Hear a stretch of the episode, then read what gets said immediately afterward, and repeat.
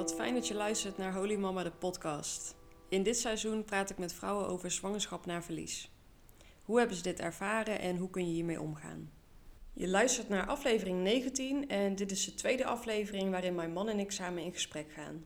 Luister eerst aflevering 1 voordat je deze luistert, want dan ben je op de hoogte van ons verhaal. In deze aflevering praten we over de eerste periode na het overlijden van Bodhi. Dat er niet alleen ellende was, maar dat het soms ook best oké ging. Dat het raar voelde, vooral naar de omgeving toe. We praten over hoe we met de rouw om zijn gegaan tot nu toe, wat wel en niet fijn was en hoe we met de omgeving omgingen. Over wanneer we klaar waren voor een nieuwe zwangerschap en hoe we die tot nu toe hebben ervaren, ook in combinatie met de rouw. En ook delen we over wat we met de 20 weken echo hebben gedaan en hoe we nu naar de toekomst kijken. We delen onze angsten en onze verlangens, onze tips en wat wij tot nu toe hebben geleerd. Kijk ook even in de beschrijving voor de linkjes die ik in deze aflevering noem. Hallo, Aloha, dit is aflevering 19. 19. Oké. Yep. En ehm, vandaag gaan wij in gesprek. En wie is wij? Ik ben Melvin. En jij bent? Daisy. nou ja, Melvin, mijn man en ik eh, gaan weer in gesprek met elkaar. We hebben aflevering 1 hebben we ook samen opgenomen. En eh, dat was om ons verhaal als eerste te delen. En dat was, eh, ja, daar, daarin hebben we verteld over de zwangerschap eigenlijk, hoe we erin stonden, hoe we die hebben beleefd. Ehm, Wat gebeurde met Bodhi? ja, hoe dat is afgelopen. Ja, die hele ziekenhuisperiode. Dat ze is overleden. Hoe we dat hebben ervaren toen, tot dan toe. Want toen, dat was denk ik twee maanden daarna of zo dat we het hebben opgenomen. Ja, ik weet eigenlijk niet precies. Hmm. Volgens mij... eh volgens mij Ik wel denk zoiets. ergens in juni zo, ja. Hm. Dus dat zal zoiets zijn geweest. En ehm, ja, hoe we naar de toekomst keken. Inmiddels eh, zijn we ja, weer in verwachting. Vandaag 21 weken. Ja, op de dag van opname. Mhm. is dat. Ja. Dus ehm, we zijn alweer even onderweg. En eh, we dachten, we gaan een nieuwe aflevering opnemen. Een update over hoe het gaat nu. Hoe we alles tot nu toe hebben ervaren. Hoe we nu erop terugkijken. En ehm, ja, hoe deze zwangerschap voor ons is. Ja. Had je ook een aantal vragen van gehad? Of, Ja, ik heb, ehm, ik heb een oproepje geplaatst voor mensen die vragen hadden. Want eh, ik kan me ook wel zo voorstellen dat, eh, dat mensen wel benieuwd zijn naar bepaalde dingen. Of zich dingen afvragen. Ehm, en daar hebben we wel, eh, heb ik al wat reacties op gehad. Dus die vragen ga ik tussendoor eigenlijk erin verweven. Hm. Dus ehm, ik laat me leiden door jou. ja, nou, dan gaat het vast goed komen. Zeker, 100%. Hoe voel jij je? Hoe voel ik me? Ja, over de onderwerpen die je net zei. Hè? Over dat we zwanger zijn, hoe ver we al zijn. Dus nu neem jij de leiding. Ja, ik denk, ik ga zo'n vraag aan jou stellen. want jij bent degene die die vraag stelt. Ja, dat weet ik. Ik had eigenlijk ook een bepaalde opbouw in mijn hoofd. Nou, dan laat... Oké, dat is Melvin. Ja, ik laat me leiden door jou, maar ik neem nu de leiding. Oké. Ik dacht, eh, misschien kunnen we het eerst eh, even hebben over het overlijden van Bodhi, die, die tijd daarna, die daarop volgde. Hoe hebben we dat beleefd als we er zo op terugkijken? Want ik weet nog dat het best wel een, eh, ja, een rare periode was. Eigenlijk hadden we al best wel snel, zaten wij wel in die acceptatiemodus. Dus dat maakte het denk ik wel een stuk makkelijker ergens eh, voor ons om ermee om te gaan. Ehm, wat ik zelf, hoe ik het zelf heb beleefd, is dat ik, dat ik dat tegelijkertijd wel moeilijk vond. Vooral naar de omgeving toe. Want eh, ik had al vrij snel dat ik ehm, niet alleen maar in die ellende en verdriet en dat soort dingen zat, maar ook tegelijkertijd heel veel liefde voelde en heel veel dankbaarheid voor wat we wel hadden. Ehm, en ik voelde me ook toch wel krachtig. En ik vond dat soms heel ongemakkelijk. Want dan dacht ik van ja, dadelijk denken mensen dat we het helemaal niet zwaar hebben hiermee. Of dat het helemaal niet. eh, eh, ja, dat we het niet vervelend vinden, weet je wel. Mhm. Ik weet niet hoe jij dat hebt ervaren, maar als mensen dan aan ons vroegen, ja, hoe gaat het? Ja, op sommige momenten ging het best wel oké. Ja. En dan vond ik het eigenlijk gewoon een beetje verschut om dat te zeggen of zo. Dat ik dan dacht van, dat is raar. Omdat, ja, je hebt een plaatje in je hoofd van... eh, Oké, als je kind doodgaat, dan... Dan is het alleen maar ellendig en verdriet. Ik merk en- dat heel veel mensen dat eh, gingen invullen voor mij. Die Ja. En dan eh, ja, dan ging het eigenlijk soms best wel goed inderdaad wat je zegt. Maar soms ging het ook niet goed en dan wil ik dat vertellen. En dan gingen hun al gelijk hun eigen invulling eraan geven. Waardoor je eigenlijk niet echt kan vertellen. Zeg maar, dat gevoel dat ik vaak. Ja, heb je daar een voorbeeld van? Ja, gewoon dan, dan ging je wat meer, dan vroegen mensen wel door en dan ging je vertellen, ja, dit en toen, bijvoorbeeld toen werd ze gereanimeerd. En dan gaan mensen gelijk, slaan ze een soort van dicht in en van, oh verschrikkelijk en het moet echt erg zijn geweest. En dan denk je, ja, eigenlijk kan ik er juist heel goed over praten. Nee, dat lukt nu niet, omdat je eigenlijk gaat invullen hoe het voor mij moet zijn geweest, zeg maar. Snap je? Ja, ja. Ja. Ik denk dat het ook heel moeilijk is om. ehm, kijk, eh, rouw is echt een heel. best wel een apart onderwerp om over te praten. En ehm, je moet daar. eh, denk ik best wel wat skills eh, voor hebben om daar goed met iemand over te kunnen praten. Want inderdaad, je gaat het snel invullen of je klapt snel dicht omdat het gewoon een heel pijnlijk onderwerp is. Omdat je denkt, ik wil bepaalde stukken niet aanraken omdat ik dan misschien iemand juist pijn doe. Terwijl ja, die pijn die is er altijd. Mhm. Ik denk dat het wel een heel moeilijk, eh, moeilijk ding is voor mensen. Dus ik neem het zo, ik neem het zo ook niet kwalijk of zo. Maar ik snap wel wat je bedoelt, ja. Het is, eh, het is lastig om het daarover te hebben. Ja. Ik had alleen de, met de mensen die dan zelf zo gelijksoortig iets hadden meegemaakt. Dat hoeft niet eens per se exact hetzelfde te zijn, maar die eh, had ik het gevoel dat die het wel eh, lieten zoals ik het wilde vertellen, zeg maar. En dat is ook algemeen bekend natuurlijk, dat je dan iets meer kan inbeelden hoe het is of zo. Als je het zelf hebt meegemaakt. Ik had het vooral, ik denk dat ik vooral verdoofd was of zo. En eh, ik ging na drie weken of zo, eh, ging volgens mij al werken. Mhm. Ja. En, eh, nou, ik kon wel echt bij iedere klant goed mijn verhaal doen. Alle mensen waren echt heel oprecht geïnteresseerd, zeg maar. Dus dat is op zich wel eh, eh, goed. Ik heb iedere week wel één of twee keer mijn verhaal gedaan, dat ik één of twee keer per week nieuwe klant heb, zeg maar. Alleen, ehm, ja, ik was dan ook daarna meteen wel bezig met mijn werk, dus ik, echt emoties of zo, ik eigenlijk niet echt, ja, moet ik zeggen?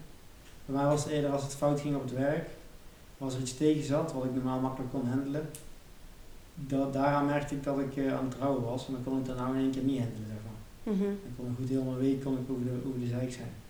Ja. Dat, Ja. dat was wel wat ik echt merkte, zeg maar. En ik kon me wel snel herpakken. Als ik me goed voelde, voelde ik me ook echt in één keer extreem goed. En als ik me slecht voelde, dat was iets kleins, dan voelde ik me ook in één keer extreem slecht. Ja, die Dus- emoties die vliegen alle kanten Ja. op, hè? En dat was dan nog niet eens bewust omdat ik dan eh, moest huilen om eh, het verlies of zo. Maar dan voelde ik me gewoon niet lekker. Ja. En ik denk dat dat wel van, de, van het rouwen is, zeg maar. Ja, denk ik ook wel, ja. En ik denk ook wel... ehm, want ik heb daar laatst nog aan terug zitten denken. Die, kijk, wij zaten natuurlijk... Vanaf het moment dat het hier thuis misging, kwamen wij in een overlevingsmodus. Met zoveel eh, adrenaline en weet ik veel wat je allemaal... eh, ja, ik zat laatst nog te denken van... Het is zo vreemd als ik daar dan aan terugdenk. Ik kon ook gewoon helemaal niks hebben. Ehm, ik kon helemaal geen prikkels hebben. Weet je nog dat we met dat ene stel in het Ronald McDonald huis erover hadden? Die kwamen wij toen bij, bij de lift tegen daar. En zij waren een jaar daarvoor waren ze al een tweeling verloren. Ja, ja. En die hadden nu weer een kindje die daar ook op de intensive care lag. In Rotterdam was dat. En ehm, toen had, ik, weet, ik weet even niet meer hoe, hoe het daarop kwam. Maar het ging over tv kijken. En dat ik zei van, nou volgens mij kan ik nooit meer tv kijken. Want ik vond het altijd al onzin wat erop, ja, wat erop komt. En nu, Mm. zulke onzinnige dingen, weet je wel. Dat je daar je tijd en je, ja, je energie aan verspilt. Ik kon het me gewoon niet meer voorstellen. Ja. En zij zeiden, ja, er komt een tijd dat je zelfs dat soort stomme dingen gewoon weer kan doen, weet je wel. Mm. Dat, je, dat het gewoon... Maar ik kon, ik kon het gewoon niet hebben. Ook gewoon gesprekken van mensen, weet je. Dat mensen het dan over gewoon normale dagelijkse dingen... Oh, ik kreeg daar gewoon echt kramp van in mijn hersenen. Gewoon. Ja. Ik kan het niet uitleggen, maar ik kon het gewoon niet hebben. Ja. Gewoon, hou op met dit soort dingen, weet je wel. En Mhm. nu, ik merk wel dat dat nu over is. Dat ik dat wel beter kan hebben. Ja. Of verjaardagen, ja, oh man. Het liefst ging ik dan ergens in een hoekje zitten. Het liefst met een hond of kat die daar dan was. Zo was het trouwens gisteren ook Ja. nog op mijn verjaardag. Dus dat heb ik nog steeds wel. Ja. Maar ja, dat je ehm, sowieso wel. maar dat is wel versterkt. ja, ik, heb ik het kon gewoon niks meer hebben. Met eh, gewoon oppervlakkige dingen. Ik, ik merk dat ik gewoon wel behoefte heb aan eh, nieuwe mensen of zo. Ik vind nieuwe mensen nou wel fijner om mee te zijn. Dat er gewoon nieuwe bewustzijnen, zeg maar. Vind ik, en andere mensen die anders denken. En dan krijg je toch gewoon gelijk ook andere gesprekken en dan ander soort vragen, zeg maar. Mhm. Als je het over, over je verlies hebt, zeg maar, waardoor je dus wel even iets meer kan ontluchten of zo. Dat vind ik zelf wel fijn. Dus, dus voor mij was het heel fijn dat ik iedere keer die nieuwe klant had. Ja, Ja, sommigen stellen gewoon andere vragen of denken anders over dingen. Of ja, waardoor het gewoon wel prettig is. En er eentje aandacht.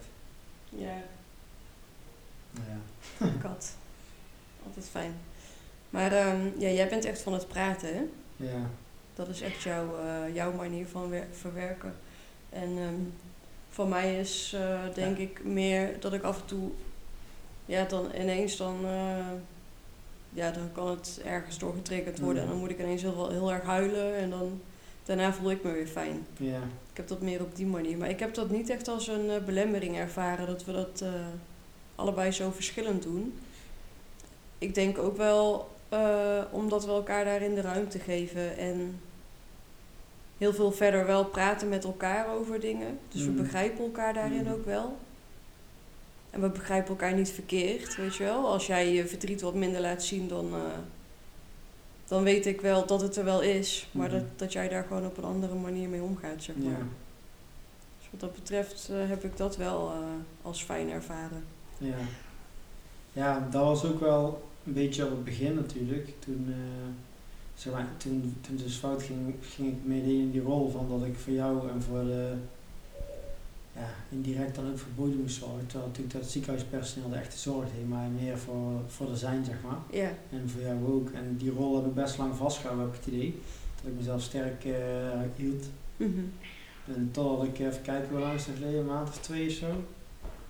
Dat ik op de bank, eh, die, die in bed lag, s ochtends, dat ik naar beneden Ja. ging. Dat ik toen die foto's ging kijken voor het eerst, vanaf de geboorte tot en met in Rotterdam aankwamen volgens mij. Mhm. En wat filmpjes. En toen moest ik best wel huilen en toen kwam ik naar beneden en toen pas alsof de dijk open ging bij mij. Ja, oh, je was zo hard aan het huilen, Ja. gewoon met geluid en al. Oh. Maar het was tegelijkertijd ook weer fijn. Het was, het was heel intens Ja. en heel verdrietig, vond ik. Maar het was ook alweer heel fijn. Ja, ik vond het ook heel fijn, want sindsdien merk ik gewoon dat ik op sommige momenten wel in één keer een traantje kan laten, terwijl ik het daarvoor niet kon. Ja, Dus eh, ja. Ja, Ja. weet je, maar, maar goed, we moesten ook gewoon door, want we zitten natuurlijk twee in de situatie dat we als eh, voor onszelf werken. Dus eh, ja. ja. En dat is alleen maar fijn, want ik vind die vrijheid juist heel fijn. Ik bedoel, als ik nou een verplichting had vanuit, vanuit een werkgever, dan zou ik... eh, kijk, ik heb sowieso verplichtingen omdat ik mijn afspraken na moet komen, maar ik kan wel mijn eigen afspraken maken. En mijn eigen agenda plannen. ja, het is wel flexibeler wat dat Ja, betreft. Ja. precies. Dus, ehm, en ik, ik merk ook wel dat ik gewoon heel veel gun heb gehad van klanten en heel veel klanten die echt wel meewerken en zo. Dus ze hebben mijn leven wel makkelijker gemaakt. Dus op die manier kom ik wel goed naar mijn werk toe. Alleen ik heb Mhm. daardoor wel minder tijd genomen om eh, te verwerken. ja, precies. Te werken neemt ruimte in beslag om te verwerken, zeg maar. Ja. Ja, het heeft echt voor- en nadelen, denk ik. Inderdaad, die flexibiliteit. Maar aan de andere kant, ja, wij krijgen verder ja, geen steun op financieel gebied. Of, ja. Ja, ik kan, Dat- niet, ik kan niet de ziektewet in omdat ik zeg maar eh, eh, even een week eh, moet huilen. Nee, daar- nee, dus je moet wel gewoon door. Ja. ja. Ja. Wat ik, eh, wat ik ook wel ehm, vervelend vond, was, eh, want dat, dat gaat een beetje nog over het stukje waarmee ik net begon, hè, dat, eh, over dat we ons best wel, ook best wel goed voelden. Ook Mhm. op momenten echt heel ellendig, maar ook soms best wel goed. En dat sommige mensen het idee hadden en soms ook wel benoemden. Zo van alsof we ons sterker voordeden dan dat we waren of dan uh, dat zou hoeven, weet je wel. En dan denk ik, ja, maar dit is gewoon... Het is gewoon hoe we zijn. Ja, dit is gewoon hoe we ons nu voelen, weet je wel. En dan, dan is het net of je het... Uh, ja, of je iets verkeerd doet of zo. omdat mensen dat in hun voorstelling niet kunnen voorstellen. Dat het zo... Dat we toch gewoon zo... Op sommige momenten zo soepeltjes mee omgingen. Mm En uh, dan klopt dat niet in hun beeld, denk ik. En dan, ja... Dan gaan ze maar invullen van... Oh ja, dat die jou hier sterker voor. Of ah, je klap komt nog wel. Ja, ja. Terwijl, uh, ja... Wij hadden die klap al gehad toen we naar het ziekenhuis moesten natuurlijk. Ja. Toen hebben we, ja, hebben we iedere dag zijn we dankbaar geweest dat ze nog leefde, vijf weken lang. Ja. Dus ja. Ja, precies.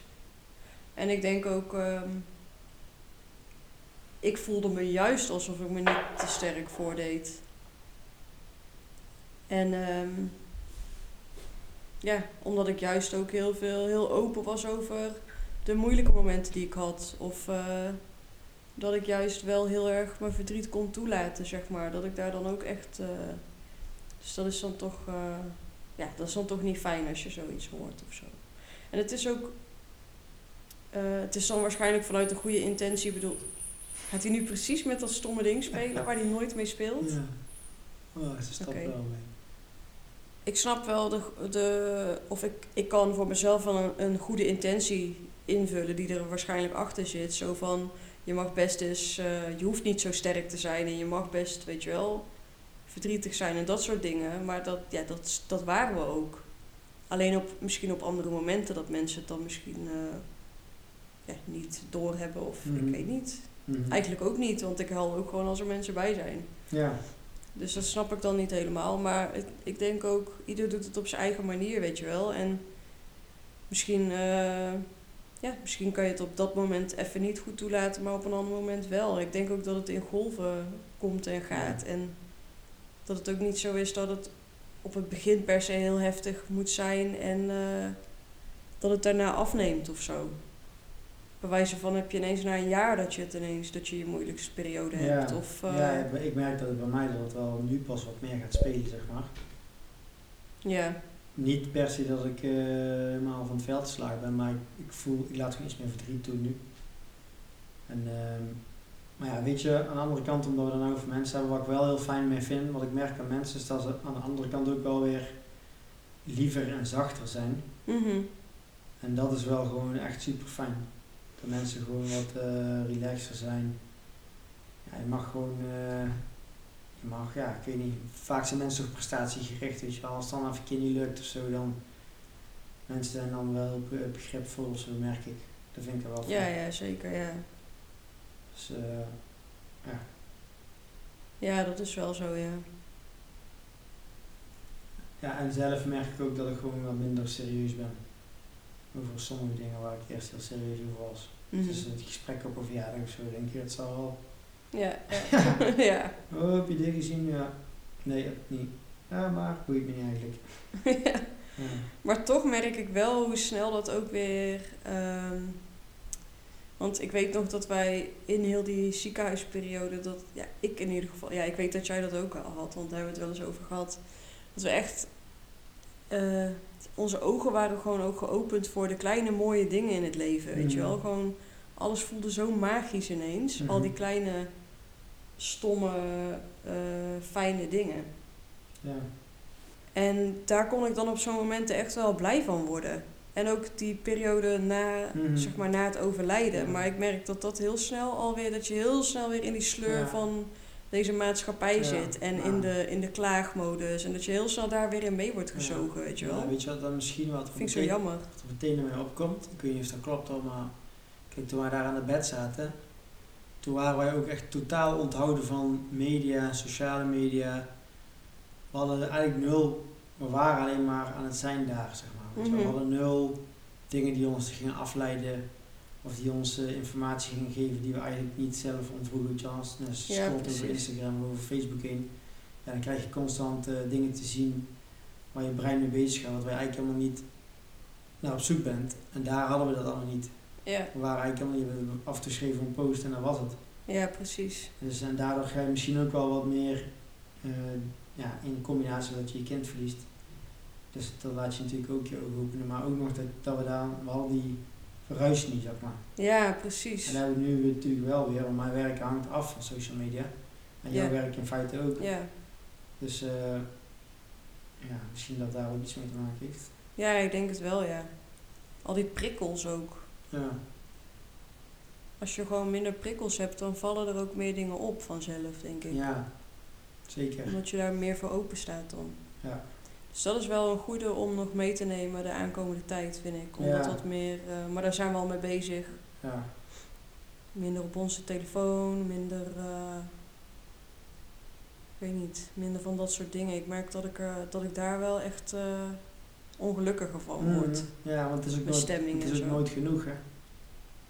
Het is met dopamine krijgen, zeg maar.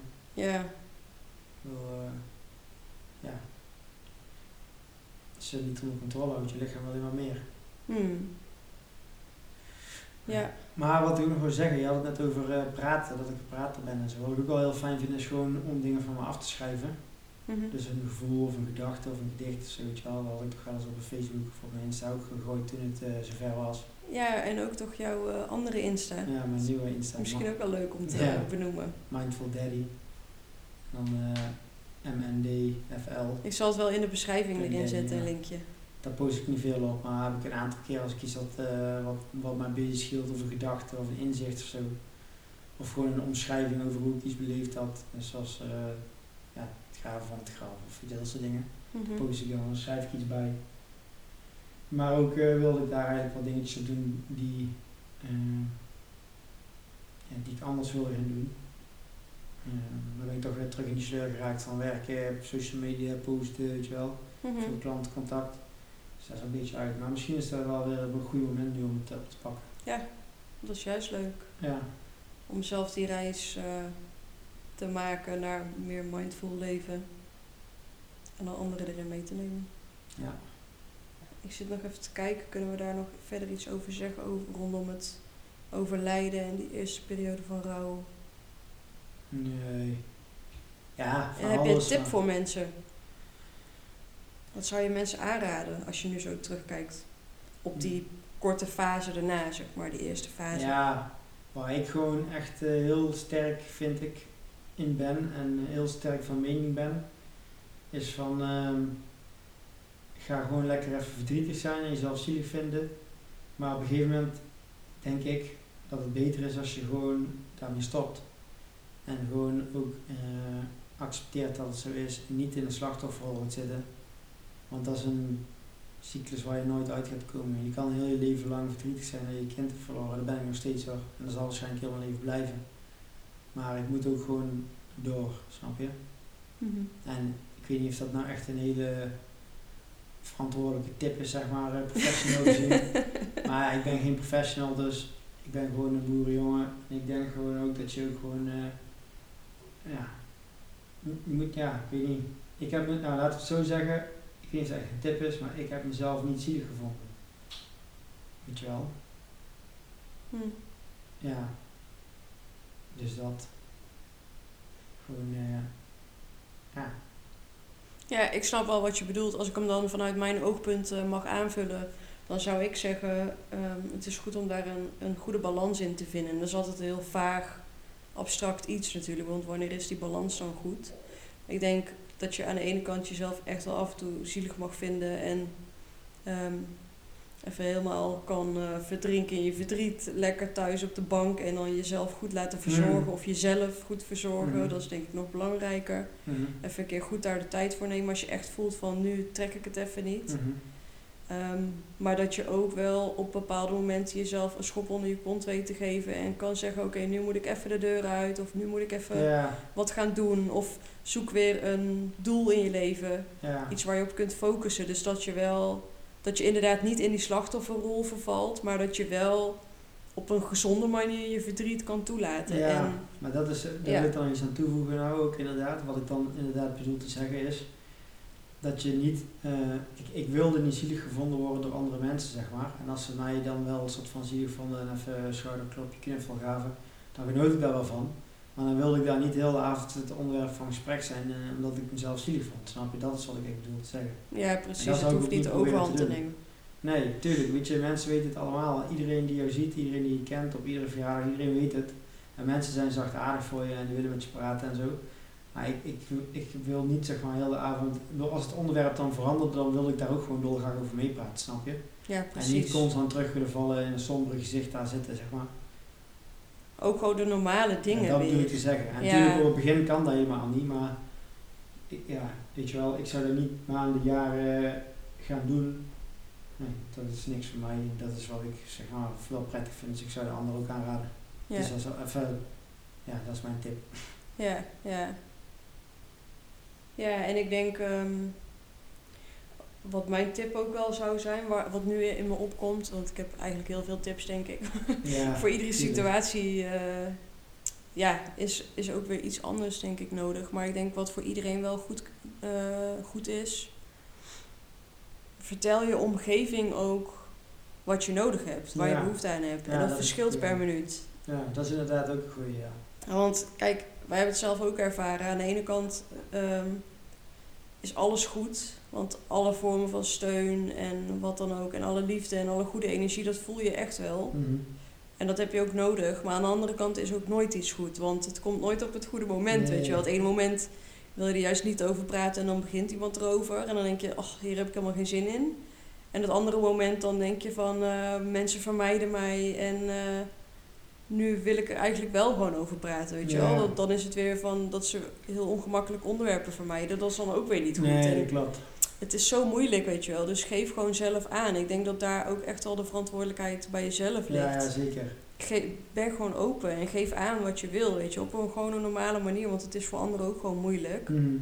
Maar het is wel fijn als je, ja, als je op dat moment gewoon de steun kan krijgen die je, waar je behoefte aan hebt. Ja. ja, precies. En dan voor degene die zeg maar snel moeten gaan werken, heb ik ook nog een tip, weet je wel. Praat er gewoon over en ook als het niet lukt, ga dan gewoon eh, naar huis of stop dan gewoon. Want eh, ik heb dat in het begin ook gedaan, dat ik half dagen werkte. Mhm.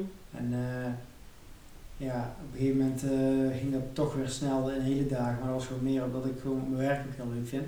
Mhm. Dus dan raakte ik weer het, het, het begrip op de tijd kwijt, zeg maar.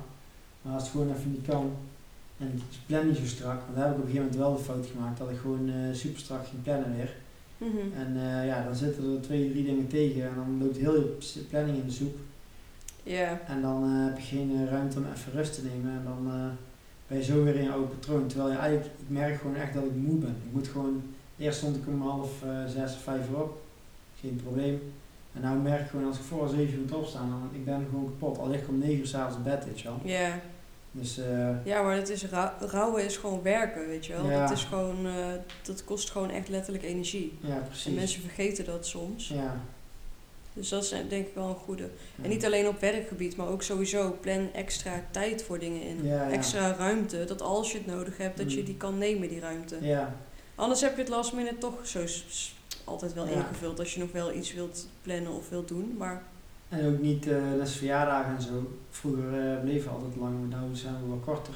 ja, soms zijn we na een uur al weg, Ja, maar omdat dat we het dat gewoon niet meer trekken. echt, echt doen hoor. En sommige verjaardagen zijn we ook niet naartoe gegaan op het begin. Gewoon Ja. omdat we, niet, niet omdat het van die een was of van de ander was, maar meer omdat we gewoon op dat moment geen zin hadden. En dat werd iedere keer wel goed beloond dat we niet gingen. Zeg maar, iedere keer vonden we wel rust dan. Ja. Ook al eh, willen we er graag bij horen, maar ja, dat gaat gewoon niet. Mhm. Kan dat gewoon niet, gaat gewoon niet. Ja. Dus Daarin gewoon echt je gevoel volgen en niet, niet te veel erover nadenken van wat zullen ze vinden of ja, Ja, dat is denk ik wel goed. Oké, en dan ehm, de fase daarna, de nieuwe zwangerschap. Ik kreeg een vraag. Wanneer wist je echt dat je klaar was voor een tweede zwangerschap? Ehm, nou ja, mentaal was ik daar meteen al klaar voor. ja. Wij willen sowieso eh, een hele grote familie, gezin. ja, ja, dat willen we sowieso. Dus eh, ja. Alleen, het was natuurlijk niet het plan om, om dat zo snel achter elkaar te doen. Ik zou altijd, ik wil eh, twee of misschien wel drie jaar ertussen houden. Zodat ik goed kan herstellen Ja. en eh, bla bla bla. Een jaar is Nou maand ja. geworden. Nee, het is eh 4,5 maand, vier maanden na de vorige bevalling ja. was ik weer zwanger, denk ik. Ehm, dus dat is best kort, ja. Maar ja, goed, sommigen zijn eh, al na een paar weken weer opnieuw zwanger. Dat is nog heftiger, denk ik. Mm. Maar ehm, ja, ik weet niet, mentaal was ik er gewoon echt alweer klaar voor. En eh, ja, alles was er eigenlijk klaar voor om die baby te hebben. Dus dat, wat dat betreft, eh, ik had ook niet zoiets van, ik moet even rust nemen eerst voordat ik dat weer aan kan. Ja. Ik, ik moet zeggen, ik heb ook wel, ik weet niet of dat verschil maakt, maar ik heb ook van Bodhi, die zwangerschap, die was gewoon echt super fijn. Ja, ja. Wij wisten ook nog niet dat er iets mis was in de zwangerschap natuurlijk. Dus eh, ja, ik heb daar echt van genoten. Dus wat dat betreft, kijk, als je dat vooruitzicht dan weer in je hoofd hebt, of dat referentiekader, dan, eh, dan is dat natuurlijk, maakt het wel wat makkelijker. Ehm, maar lichamelijk had ik wel de eerste, zeg maar, de eerste keer dat we het probeerden, voelde ik wel van. Ik wilde het heel graag, maar eigenlijk voelde ik mijn lichaam is er volgens mij nog niet helemaal klaar voor. Ik heb nog één cyclus nodig om alles even op te schonen Ja. in mijn lichaam. Dat, ik weet niet, ik had gewoon heel sterk dat gevoel, Ja. al wilde ik daar niet aan toegeven of over nadenken. Want ik Mhm. dacht, ik, als ik nu nog langer, ik, ik weet niet, het wachten was gewoon echt geen optie in mijn, in mijn hoofd. Nee. Dan zou ik er echt aan onderdoor gaan, ja, denk ik. want dat is het ook. Het is ook gewoon zo sip, zeg maar. We leven al zo lang daar naartoe. We zijn al heel lang samen. En we hadden op een gegeven moment besloten van een kindje nemen. En heel het huis, heel ons leven. We waren er helemaal zin in. In een nieuwe, vooral die verantwoordelijkheid voor iemand. Mhm. En ehm, ja, dat is in één keer weg. Dus dan zit je weer als eh, acht jaar terug in de tijd met z'n tweeën op de bank. Ja. Ja, wat kun je doen? Ja, plankgas gaan zuipen of noem maar op. Maar daar hadden we allemaal geen zin in. Dus ja, kunnen tv gaan kijken, hadden we helemaal geen zin in. Dus we, we wilden gewoon een kind. ja, Dus ja, dat was... we hadden daar al heel lang naar uitgekeken en Ja. daar waren we gewoon echt aan toe. Mhm. Dus ehm, dat, ja, ik denk, eh, ik denk dat ik wat dat betreft er meteen klaar voor was. Ehm, lichamelijk nog niet helemaal meteen, maar eh, toen ik dus lichamelijk het gevoel had van nu, nu is het goed. Nu, nu is mijn lichaam er ook echt klaar voor, toen is het ook gelukt. Mhm. Dus dat vind ik dan wel mooi. Dat eh, dat, dat qua gevoel zo, eh, ja, zo klopte wel met elkaar. Mhm. Ehm, Ja, plus ik vond ook, als ik zeg maar dan hoor dat... eh, ja, het gaat niet altijd even makkelijk af bij je stellen. mhm. Kijk, stel, stel dat dat dan niet lukt. Dat je zeg maar, je wacht anderhalf jaar omdat je, denkt dat, omdat je dan denkt dat dat beter is voor je rouwverwerking. Ik denk dat het voor mij niet beter was. Maar stel je zou anderhalf jaar wachten, je gaat het dan proberen en dan blijkt dat het niet lukt, eh, anderhalf, twee jaar. Dan had ik denk ik meer moeite psychisch gehad als, eh, ja, als nu. Dat ik af en toe nog moet huilen, maar wel dat er wel weer een kindje op komt, snap je? Ja. Dat geeft me ook weer eh, zonnestralen of dat geeft me ook weer lekker toekomstperspectief. Anders dan werken of op de bank hangen. en- ja, ja. Ik snap wel wat je bedoelt, maar ik denk wel dat je niet... Kijk, dat zijn dat soort dingen van die geanticipeerde spijt, weet je wel. Dus net als Mhm. loterij. Ja, maar als ik nu de postcode loterij niet meedoen en hij valt wel hier in de Ja, straat, wat dan, weet je wel. Ja, Dus ik, ja, ik snap wel wat je bedoelt. praat het goed. maar die psychologische mindfucks daar, eh, daar gewoon- probeer ik nooit in te trappen Nee, zelf. Ja, dat is ook natuurlijk jouw eh, vakgebied. Ja, En, eh, klopt. ik ben even gewoon een aapje. Weet je wel, Wel lief aapje. instinctief brein heb ik en nou praat ik het gewoon goed.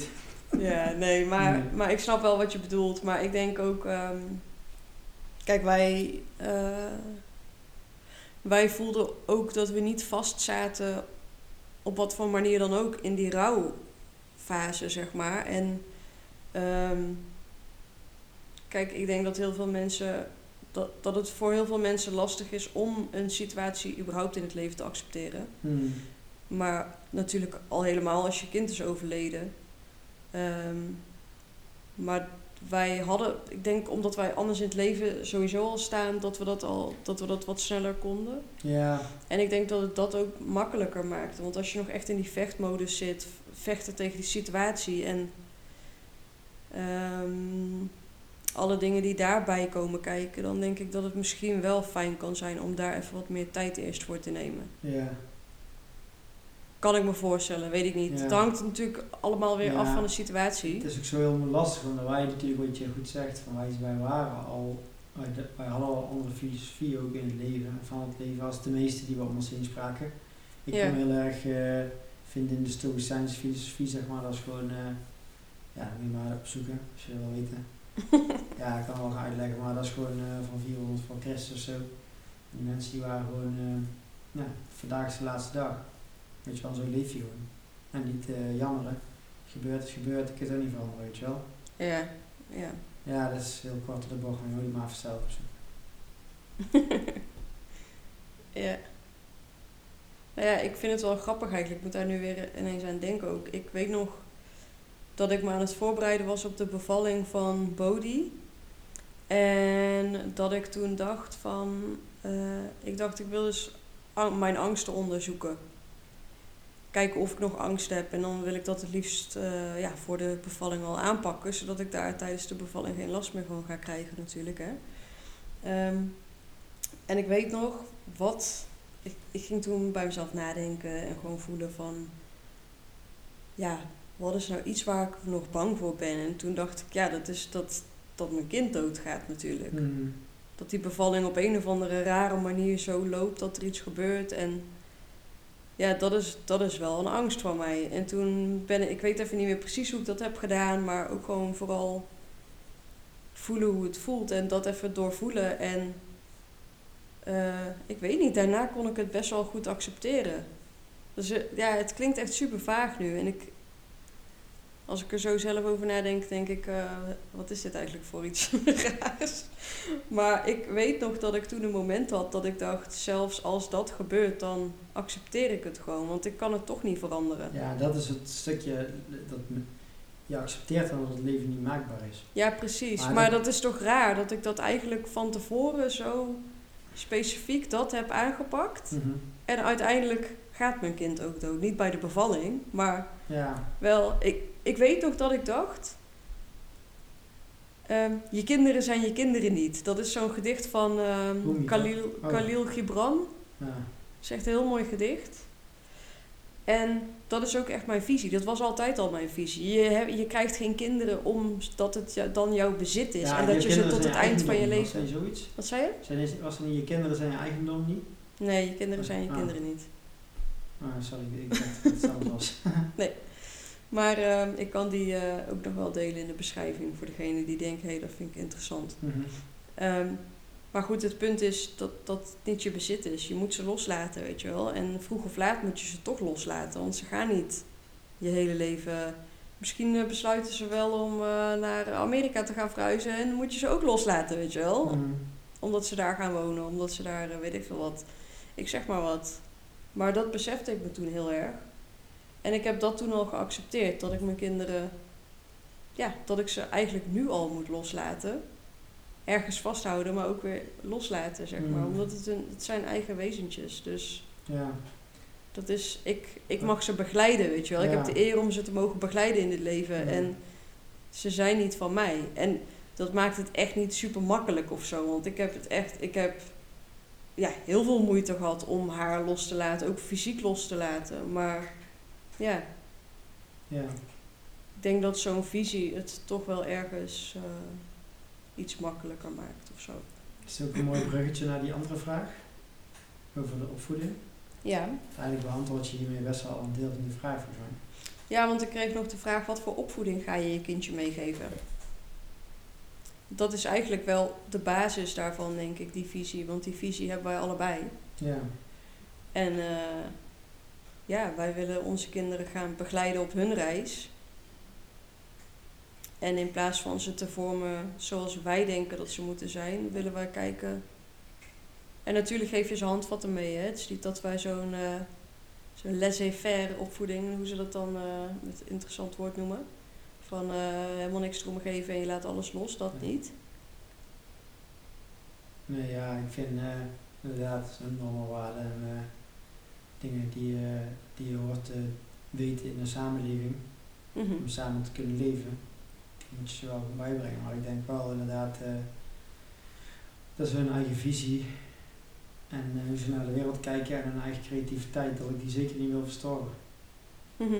Zeg maar, met eh, wat ik eh, heel mijn leven heb geleerd. eh, ja. Maar dus dus eh, ja, het kan best anders zijn dan wat de norm is, maar ja. Alles bij ons is anders dan de Ja, maar ben ja. ik al achtergekomen. Maakt niet uit, ik merk gewoon wel, dat is, dat is al twaalf jaar dus sinds we samen zijn. En ik merk wel dat heel vaak na, een- na een lange tijd, als we eerst eh, heel veel vragen of eh, mensen die snappen hoe dat wij het dan zien of waarom, Mhm. na een tijdje mensen toch eh, ook allemaal bijdraaien, in onze omgeving in ieder geval. En eigenlijk ook wel eh, vinden van, ah, het kan eigenlijk ook wel anders. Ja, Weet je wel, dus we hebben altijd eerst weerstand en dan daarna dan merk je gewoon dat toch wel ook dicht, mensen die dicht bij ons staan, toch zeggen van ja, ja, eigenlijk is het ook wel zo, weet je wel. Ja, voor ons is dat dan niet zo handig, maar eigenlijk is het ook wel goed zo, weet je wel. Dus ja, precies. ja, We openen wel eh, het bewustzijn van mensen, Ja, denk ik. denk en dat is ook. fijn als mensen er uiteindelijk Ja. voor open zijn. Je hoeft het niet ermee eens te En zijn. ik hoop dus dat ons kind, of kinderen, ons bewustzijn ook gaat openen. Ja, precies, ja. Dat is het. Ik wil ook van onze kinderen leren. Ja, In plaats van dat wij ze alleen maar alles leren. ja. En dan kunnen we lekker kind zijn. Spelen in de zandbak. Oh, daar ben ik zo blij mee. Ik heb eindelijk, serieus, eindelijk een goed excuus om gewoon iedere week naar de kinderboerderij te gaan. Het liefst zou ik dat nu al doen. Ja, maar ja, weet je, Eh, dan heb je ook een soort van naar de buitenwereld toe van nee, sorry, kan niet, want ik moet mijn kind naar de kinderboerderij. Als ik dan nu zou zeggen, ja, kan niet, eh, ik, ik ga naar de kinderboerderij, weet je.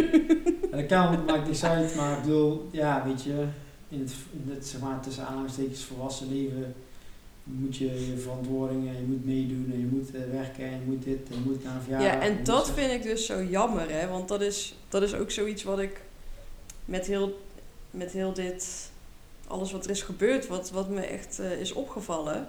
Kijk, nu hebben we scheid aan alles en we kiezen voor onszelf, weet je wel. Maakt niet uit wat, wat er Mhm. gebeurt of wat iemand vindt. Of Mm. wat, natuurlijk houden we echt nog wel af en toe rekening met mensen of twijfelen we ergens over of zijn we ergens onzeker over. Maar over het algemeen kiezen we gewoon wat wij willen. Mm, En doen we wat we zelf willen. We stellen onze grenzen. ja, Terwijl dat daarvoor, ja, kijk, nu voelt het zo van, ik weet niet, maar ik heb mijn kind verloren, weet je wel. Het boeit me niet wat je denkt, maar ik heb dit recht nu. Maar eigenlijk heb je dat recht altijd. Ja, altijd, ja.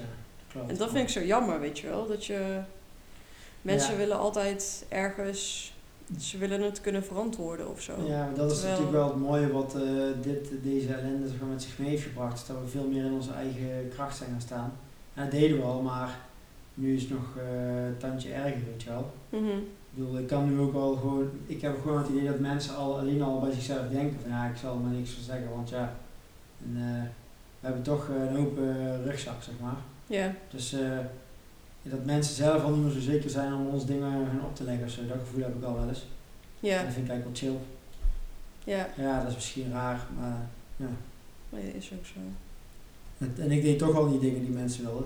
Dat weten eh, de meeste mensen wel. Als mensen zeiden dat ik links moest, dan ging ik expres rechts. Soms ook gewoon een principe kwestie. Maar, maar vaak had ik gewoon, eh, ja, ik volg gewoon gevoel. En eh, ja, ik merk gewoon, dat merk ik wel. Heel veel mensen willen op discussie aangaan op inhoudelijk.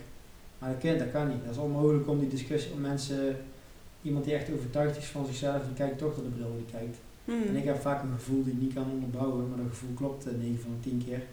Dus eh, ik volg gewoon mijn gevoel. En dat is soms niet logisch. En Ja. nu merk ik gewoon dat mensen me wel snel om rust laten. Ja. Maar je- ik denk dat het ook goed is als je kunt zeggen van... ehm, nee, dat wil ik niet. Of ik doe dit zo. Oh, waarom dan? Ja, dat voelt gewoon goed. Ja, ik merk dat mensen wel meer, ja, precies dat. Of het voelt niet goed. Maar ze waarom Klaar. niet zoveel. Hm? Mensen waarom niet meer zoveel tegen mij. Nee, dat is waar.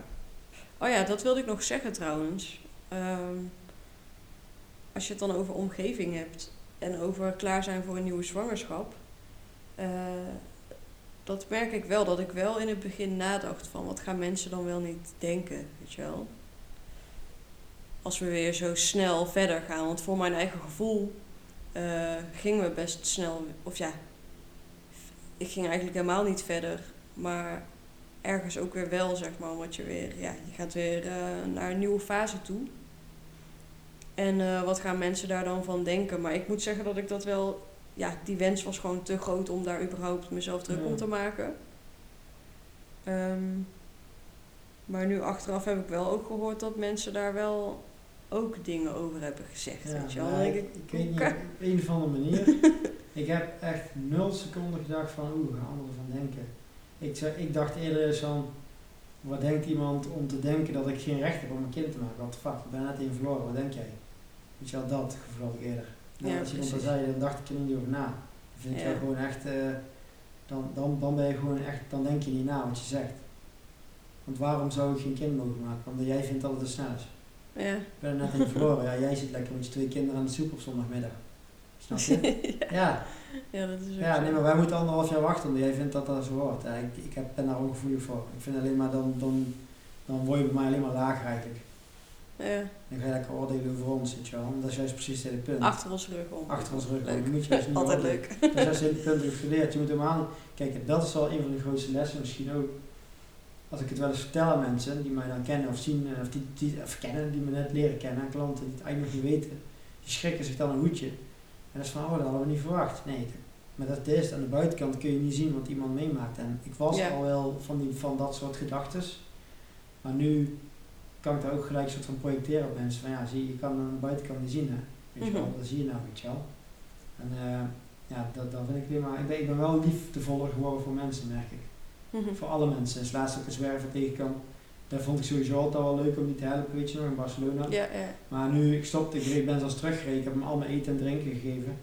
En eh, hij was kei blij. En eh, ja, ik weet niet. Dat ik vond het nu extra bewust fijn, zeg maar. Mhm. Ja, en dat is denk ik ook omdat er ook heel veel mensen zijn in onze omgeving die al in die hele ziekenhuisperiode, maar nog steeds tot, tot nu aan toe, die gewoon echt super lief zijn en Mm, gewoon van die kleine dingetjes doen, weet je wel, waar je gewoon, ja, dat voel je gewoon, die Ja. liefde en dat pept je zo op. en ook van onverwachte, uit de onverwachte hoek. Ja, Niet van mensen waarvan je denkt van wow, jij steekt veel energie aan in om mij, om mij te laten merken dat je geïnteresseerd bent hoe het met me gaat. Terwijl Ja. je eigenlijk van die mensen niks verwacht. En van andersom van mensen wie het wel had verwacht, hoor je eigenlijk ba- ja, weinig. Ja, Snap je? Dus eh, je, je, vond ik hè, ja. dat heeft mij dan bezig gehouden. Dat ik heel goed kon zien, dat dat werd voor mij heel zichtbaar, laat het zo zeggen. Nou ja, ja, ja, ja. Voor mij hè. Ja, ik heb vooral mezelf dan gefocust wel op de fijne dingetjes dan. Ja. Dat me dat echt verbaast en dat ik... eh, ik merk ook wel dat ik dan ehm, soms wel moeite heb om dat te ontvangen, zeg maar. Al is het gewoon wat lieve woorden. Mhm. Of een bos bloemen, net als laatst, weet je wel. Dat ik denk van, waarom, Weet je wel, verdien ik dit wel of zo. Maar ik kan er tegelijkertijd ook wel echt heel erg van genieten, want het pept je gewoon echt wel op, weet je. Ja. Dat is gewoon dat soort dingetjes die, eh, ja, die heb je wel nodig, denk ik. Ja. Ja, hoe, ehm, hoe heb jij die nieuwe zwangerschap ervaren? Want ik weet nog, eh, laatst keek ik toevallig nog dat filmpje terug van dat we die test deden. Eigenlijk de dag ervoor wisten we het al, want toen was het een heel licht streepje. Echt een heel, heel, heel licht streepje op zo'n extra vroege test. We hebben ook extra vroeg getest, want niet dat we ons anders hadden kunnen inhouden, maar ik had een bloeding en ik dacht, ja, dat moet een innestelingsbloeding zijn. Ja. Maar ik had dat nog nooit gehad, dus ik dacht, hè? En toen eh, de, ging de gewone, de gewone die gaf eh, eigenlijk, die eigenlijk nog niet positief kon testen, die gaf toen al aan dat je 1 tot 2 weken zwanger was. Ja, dat was die tweede. Ja. Die, eh, maar dat was dus al een week van tevoren. Ja, een week voordat je eigenlijk kon testen, maar dat was ook een gewone test, geen extra vroege test. Ja, Dus en die was ineens, dat was echt zo'n Tweede. bam, knaltest. Dus ik, had, ik zat heel lang in mijn hoofd dat we een tweede kregen. En toen gingen we eindelijk naar de verloskundige. Dat was natuurlijk een paar weken later. Zo, jouw buik is wel groot. eh poeh, moet je wel eh, een echo maken. Wij echo maken. Toch maar een echo, ja, om te kijken. En voor tweeling was, er was er één. En, eh, ja, dus, dus dat was wat mij de eerste weken bezig hield. En eigenlijk was ik wel in extase ervan. Ik dacht van, ja, tweeling. Die tweeling, ja. Twee kleine krullenballen. Ja. En voor de mensen die nu denken, oh hè, grappig, want ja, jullie zijn niet zo van de echo's. Nee, dat klopt. Maar we zijn wel van de echo's als we echt het nut ervan inzien voor onszelf. Ja, En kijk, als het een tweeling is, een verrassingstweeling lijkt me ook eigenlijk best wel geinig. Ik zie soms wel eens van die filmpjes. Maar kijk, ja, weet je, we hebben al zo'n ehm, chaotisch jaar achter de rug. Ik denk dat het dan toch fijn is om wel voorbereid te zijn in dit geval. Hmm. En ehm, ja, ik denk bij een tweeling heb je toch wel eh, wat meer risico's ja ook. Maar gewoon. die ik liever niet zelf wil nemen. Dus wat dat betreft eh, hebben we die afweging gemaakt en dachten, nou, gaan we toch maar wel een echo doen. En toen was er één. En toen was het ook goed. Ja. Het was wel even schakelen, want ik had al soort van voor waarheid dat het er twee waren. ja. Maar jij denkt altijd dat je, dat dacht je bij Bodie ook. Ja, maar nou was het gewoon graag. Nou was bij 12 weken was jouw buik, je baarmoeder was 16 weken of zo, schatten ze. Ja, mijn baarmoeder, niet alleen mijn buik was dikker, maar gewoon die baarmoeder was veel Ja. hoger. Dus ja, Ik weet niet, ik denk, eh, dat het gewoon eh, snel weer doorgestart is. Ja. En ehm, ja, we waren wel meteen, eh, meteen heel blij toen Ja. we ook die zwangerschapstest hadden. Echt. Het, het werd toen ook meteen weer lichter of zo. Ja, En daarom weet ik ook dat het gewoon een goede keuze is die we hebben gemaakt. Omdat, kijk, ons leven werd er gewoon fijner door. ja, En we hadden gewoon weer toekomstperspectief. ja, precies. Je hebt weer iets om naar uit te kijken en Ja. weer een doel om voor te leven en om naartoe te leven. Mhm. Dat is het denk ik. Want na zo'n verlies, en vooral denk ik als je nog geen kinderen hebt rondlopen, Ja. dan, ja, je voelt je zo verloren, weet je wel. Wat moet je nog met je leven? Je, dat Ja, was gewoon dat. Ja, maar dat was waar je, wat je leven, hè, wat je zou gaan hebben. En dat heb je ineens niet meer. Ja. Ik denk dat het misschien anders is. Ik wil niet zeggen dat het per se makkelijker is, want dat denk ik niet. Ik denk dat daar ook moeilijkere punten aan zitten. Maar als je al kindjes hebt rondlopen, dan heb je wel nog iets om Vooruit bed te komen. Ja, precies. Ja. Ja. Ja, precies. En dus, dat was ook eh, met mijn werk. Ik, ik kreeg toen wel op een gegeven moment dat ik... Vond mijn werk heel leuk, maar ik, had, ik voelde niet dat ik zingeving had in mijn werk, weet je wel. ja. Dus dat was wel vervelend, maar goed. eh. Ja, en ik, ik, ik wist ook gewoon, als wij nog langer moeten wachten, dan ga ik het denk ik... Ja, tuurlijk trek je het wel, want je, je gaat altijd wel door of zo. Maar dan, ja, dan zat ik er nu echt heel anders bij, denk ik. kom je in zo'n eh, spiraal naar beneden, denk ik. Ja, ja. Dus het heeft ons echt wel weer eh, nieuwe hoop gegeven. En ehm, ja, ik weet nog dat ik, eh, dat ik heel benieuwd was hoe het zou zijn, zo'n nieuwe zwangerschap na zo'n verlies. En vooral omdat ik heel veel dingen uit mijn omgeving hoorde van dat het is eh, verdrietig en angstig en stress en bla bla bla. Maar ehm, ik dacht, dat wil ik niet. En eh, ik ben dus ook die podcast gestart. Daarom, dat weten denk ik de meeste mensen die luisteren, die weten dat wel. Eh, ik dacht, ik ben benieuwd eh, hoe anderen dat hebben ervaren. Want ja, daar haal je dan ook wel weer tips en hoop uit, uit andere verhalen. Ehm, of een beetje een verwachting van hoe het zou kunnen gaan. En eh, ik dacht, eh, nou, dat is er allemaal nog niet. Dus ik ga zelf die podcast maken. En ik heb heel veel verschillende verhalen ook gehoord. Ehm, ja, en ik denk dat dat me ook wel heel erg heeft geholpen, meteen. Want ik heb daar natuurlijk ook heel veel tips uit gehaald. Eh, en Ja. ik ben die ook gaan toepassen. Want de tips eh, in je hoofd hebben, dat is één ding. Maar je moet het ook wel gaan toepassen Mhm. natuurlijk dan. Mhm. Eh, naast de dingen die ik voor mezelf al, al deed om mezelf goed te blijven voelen. Ehm, ja, dus ik denk dat me dat wel heel erg heeft geholpen. Maar ik weet wel, vlak na die zwangerschapstest, die eerste paar weken, was ik ineens heel angstig. Dus echt dat ik bij mezelf dacht van, waarom heb ik dit, weet je wel? Want ik was ineens bang voor een miskraam. Ik Ja. heb nog nooit een miskraam gehad. Dus het is niet per se dat je dan denkt, eh de kans is dan groot of zo dat ik het... eh, hè, die is net zo groot als een gemiddeld... eh, Statistisch gezien. eh, ja. Of ook niet dat ik, dat ik een wat dat betreft een referentiekader heb van... dat het mis kan gaan in de zwangerschap al. Maar daar had ik ineens best wel last van. Omdat je natuurlijk ook die verhalen hoorde eh, met de vrouwen, met interviews. Nou, weet ik niet of het dat was, maar gewoon dat ik dacht, ik wil niet langer wachten, weet je wel. Ik wil niet dat het nog een keer misgaat. En Hmm. eh, ja, toch zo'n soort van controledrang, dat, je het, dat het nu goed moet gaan, Mhm. zeg maar dat. En ehm, eh, ja, wat ik toen heb gedaan, en eh, ik weet dat misschien sommige mensen zullen denken, nou dat is wel een beetje zweverig. Maar, ehm, want ik heb dat boek van eh, Spookje van de Dood gelezen, Mhm. nog een keer. Ik heb die jaren geleden al een keer gelezen en toen Ja. na het overlijden had ik die nog een keer gelezen. En Ja. daar staat ook in van, je hebt allemaal een gids en die, ze willen je allemaal helpen, alleen je moet er wel zelf om vragen. Ze mogen dat niet zomaar doen. Dus Mhm. het is wel jouw vrije wil, zeg maar. Dus als je hulp nodig hebt, dan moet je het erom vragen. En ineens bedacht ik me dat. Ik weet nog dat ik op de wc zat, want ik ging iedere keer als ik moest plassen, dan ging ik in mijn ondergoed kijken van, oh shit, eh, is er geen bloeding of zo? Ja, ja. En ik weet nog, ik werd er helemaal gek van. En ik dacht, ik wil dit niet meer. En toen dacht ik, ineens plopt het in mijn hoofd van, ik kan om hulp vragen, weet je wel. Mhm. Dus ik heb toen echt serieus, ik heb Bodhi's hulp gevraagd. Want ik dacht, ja, dit is gewoon eh, de beste beschermengel die ik nu eh, bij me heb, zeg maar. En toen heb ik gewoon gevraagd om hulp, om die angsten los te laten en om meer ja, te kunnen ontspannen en meer in vertrouwen te kunnen leven. En dat heeft echt wel geholpen, want daarna ging het ineens wel een stuk wel dat er beter. wel een omslag was in één keer, dat je niet meer bang was. Ja, terwijl ik eigenlijk heel sceptisch was, maar ik dacht, ja, ik kan het in ieder geval proberen. Ja, En het heeft wel het heeft geholpen. Niet dat ik daarna van alle angsten meteen helemaal af was, maar wel, ik was daar niet meer zo, eh, zo hysterisch mee bezig, zeg maar. ja.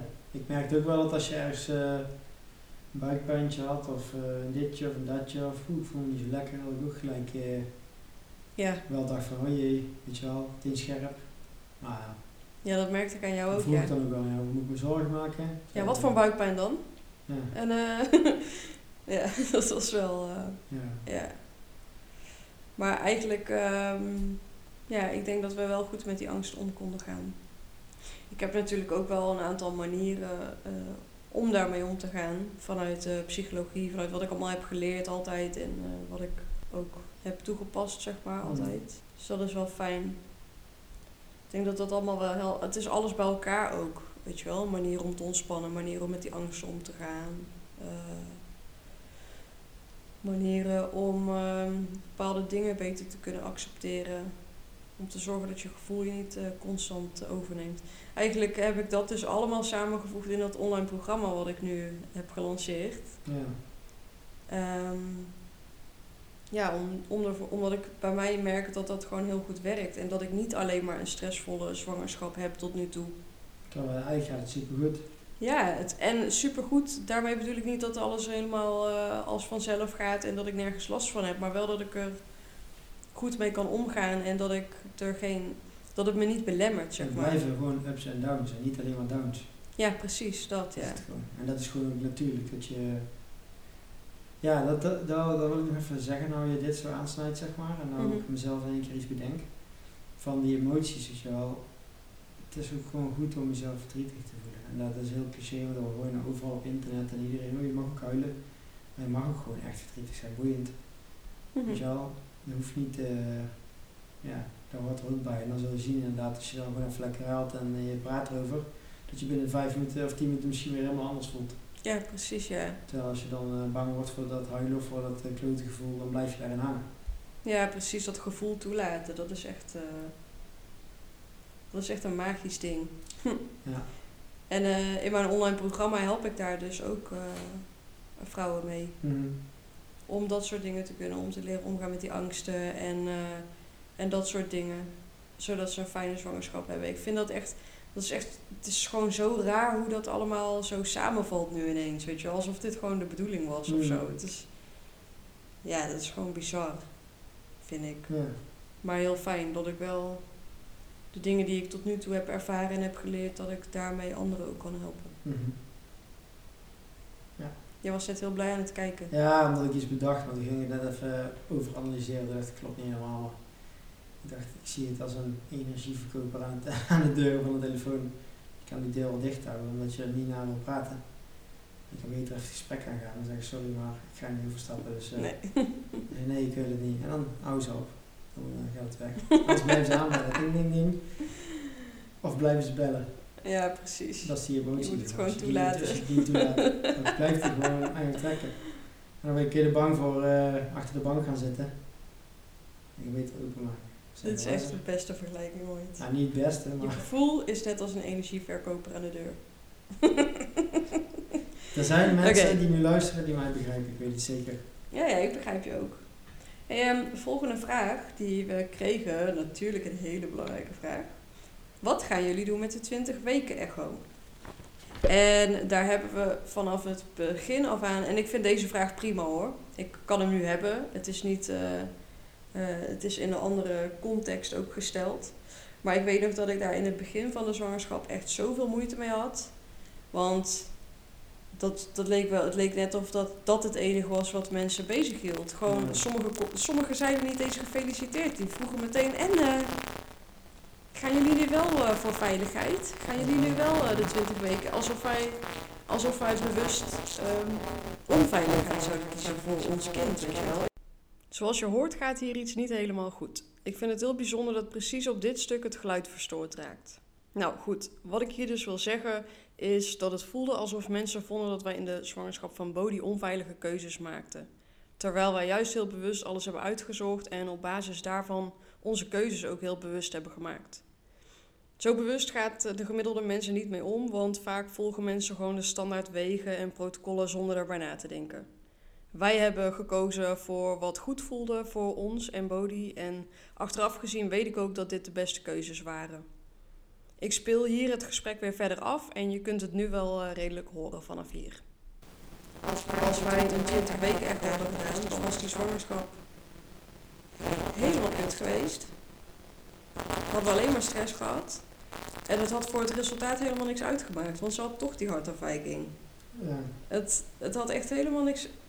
Dan was ze alsnog nu. Haar overlijden heeft daar niks mee te maken. Nee. Weet je wel, ze hadden daar niks mee kunnen voorkomen. Dus het heeft niks uitgemaakt. En wij hebben wel een hele fijne tijd alsnog in de zwangerschap gehad. En ook die paar dagen, ja, paar dagen thuis waren niet geweldig. Maar ik ben wel blij dat we ze hebben gehad in plaats van dat we meteen op de IC lagen. En, drie eh, minuten eh, van je buik af en dan... eh, ja, dan moest ik in Rotterdam bevallen en na twee minuten was mijn kind weg Ja. aan de slangen. En, eh, Dus, eh. Dus wat dat betreft, ehm, ja, dat soort dingen, dat, dat was gewoon echt niet fijn. En gewoon ook meteen, weet je wel. Wij waren blij. Na al die ellende waren wij blij. En dan werd het meteen weer Ja. naar dat onderwerp Ja. gebracht, die ellende. Maar goed, waar gaan we er nou mee doen? Nou, wat hebben we ermee gedaan? Ja, wat hebben we gedaan? Nou, we hebben 20 weken echo gedaan in Rotterdam. Ja, we hebben is- specifiek daarnaar gevraagd ook om het in Rotterdam te doen. Omdat dat, eh, Daar we goede herinneringen aan en Nijmegen is natuurlijk overleden, dus daar wilden we gewoon niet in terug. ja, je moet heel even de context scheppen. We kregen de aanbieding om het in eh, Nijmegen te doen, in het Radboud. Maar daar is dus Bodhi overleden. En daar willen wij op dit moment gewoon echt ja, niet terug. Dat, vooral in de zwangerschap, dat, dat brengt gewoon te veel nare dingen omhoog. Ehm, plus in Rotterdam hadden wij gewoon een heel fijn gevoel. Het hartspecialisme zit daar. En we hebben daar eh, de fijnste herinneringen aan de hele tijd met Bodhi. Ja, Eh, eigenlijk alles goed. het, nou ja, het ging niet, het- daar ging niet alles goed, maar het ging vooruit. Het ging de goede kant op Ja, daar. voor mij is dat goed. Ja. Dus ehm, ja, we wilden daar. Dus daar zijn we naartoe gegaan. Ja. En die was goed. Ja, Dus we hebben... we hebben gewoon een heel saai, gezond kind. ja. Een heel normaal kind. Ja, ja, daar ben ik blij mee. die er eh, heel schattig bij lag. Ja. En wel een beetje op Bodhi leek, hebben we het idee, hè? Want we Ja. hebben een MRI-scan, eh, zeg maar zo'n doorsnede van het hoofd van Bodhi. Ja, de schedelvorm was hetzelfde. En eh, de neusje, dat, ja, dat, leek, dat leek in ieder geval aardig op hetzelfde contouren. zeg maar. Mhm. Ja. Dus we gaan het zien. Ja, dus dat is ook wel. Eh, ehm, ja, en we waren daar. Ik weet nog dat ik de 20 weken echt dat ik dat aan het regelen was, dat ik ineens best wel wat spanning kreeg weer. Ehm, maar zodra ik daar dus niet meer mee bezig hoefde te zijn, toen kon ik het ook wel weer goed loslaten. En in de week van tevoren had ik wel echt weer heel veel spanning. En ik merkte dat vooral lichamelijk, want mentaal was het niet per se iets. Ik had gewoon echt een heel goed gevoel over deze zwangerschap en nog steeds. Ehm, dus daar ging ik de hele tijd naar terug, naar dat gevoel. Ehm, en mentaal was er ook niet echt iets waar ik over nadacht of angsten waar ik mee zat. Maar ik merkte toch dat mijn hele lichaam gespannen was. En spierspanning en sneller geïrriteerd en dat soort Mhm. dingen allemaal. Dus dat. eh, Maar we hadden wel iets slims gedaan hè, voor op die dag zelf. Want het was op een vrijdag dan dat we daar naartoe zouden gaan. Ik bedoel film daarna. Ja. Oh ja, toen hadden we een eh, Van de Valksuite geboekt. En ehm, ja, met zo'n wellness dingen zo weer vast. Ja, In Tilburg. dat we lekker konden ontspannen. Ja, En eh, een float sessie. ja oh ja, float. Dus tegelijkertijd dat we zeg maar... Ja, We hadden niet alleen maar iets negatiefs om naar uit te kijken. Nee, nee. Of iets spannends om naar uit te kijken. Nee. Maar ook iets fijns. ja, en we hadden natuurlijk ook afgesproken met eh Marije. Inmiddels een vriendin van ons, of van jou, van onze school, zeg maar, die eigenlijk heel veel voor had gezorgd. Ja, de verpleegkundige van Bodhi. Die zit trouwens in aflevering 2. Ja. Voor degene die dat leuk vinden om te luisteren. Zij is namelijk twee kindjes verloren. Ja. eh, na de geboorte. Maar dat was in ieder geval ook wel een fijne, was ook gezellig, gewoon fijn toch? Ja. Ja, dus ja, s'avonds wel lekker gegeten met z'n tweeën en uh, een crème bubbelbad en weet wat. Ja. Ja, dat was wel chill. Ja, dus dat was fijn. Hema, kinderchampagne erbij. Om het te vieren. Ja, klopt. En uh, ja, dat was, dat was gewoon wel echt heel fijn. Fijne opluchting. Oh ja, hier kunnen we wel even kort uh, op ingaan. Een andere vraag. Een tijdje geleden had je het over het wel of niet willen weten van het geslacht. Hoe denken jullie daar nu over? Nou, dat blijft gewoon lekker een verrassing uh, tot aan de geboorte. En ik merk wel, ik had in het begin dat ik dacht dat ik er uh, moeite mee zou gaan krijgen misschien. Omdat ik uh, ergens wel hoopte dat het een meisje zou zijn. Um, omdat dan, het was meer, ik ben daar dus achter gekomen. Want ik ben echt door een heel proces gegaan wat dit betreft. Want aan de ene kant vond ik ook dat ik dat niet mocht voelen zo. Ik had in de, met de zwangerschap van Bodhi echt zoiets van: het maakt me niet uit wat het is. Ik snap ook echt niet dat mensen een voorkeur kunnen hebben. Dat was toen hoe ik erin stond. Mhm. Want je bent toch met alles blij, weet je wel. Uh, um, ja, dus ik veroordeelde eigenlijk mezelf dat ik een voorkeur had voor een meisje. Dus dat gevoel kon ik niet toelaten. Als je het dan weer hebt over gevoel toelaten. Dat, dat kon ik dus, dat was ik aan het verdringen eigenlijk. En uh, uh, ja, uiteindelijk, nu ben ik er dus achter dat dat. Het was niet per se dat ik, uh, dat ik nu graag een meisje wil. Ik zou een meisje nog steeds heel leuk vinden hoor, ehm, als we dat krijgen. Maar het was vooral het feit dat je dan dat we dat plaatje in, dat ik dat plaatje in mijn hoofd had van ons tweeën met een meisje met Bodie erbij. Mm. En dat, dat je weer terug wilt naar dat plaatje. Of weer verder wilt gaan eigenlijk bij het plaatje wat je in je hoofd hebt. Want dan klopt het zeg Ja, maar klopt nog ja. een beetje weer in je hoofd. Mm. En het heeft denk ik ook te maken met eh, weer een stukje loslaten dus daarvan. En het loslaten van Bodhi eigenlijk ergens. Want het wordt sowieso nooit meer zoals dat plaatje, zeg maar. Nee. Maar het Dus is gewoon dat, net eh, eh, daarbij gebleven.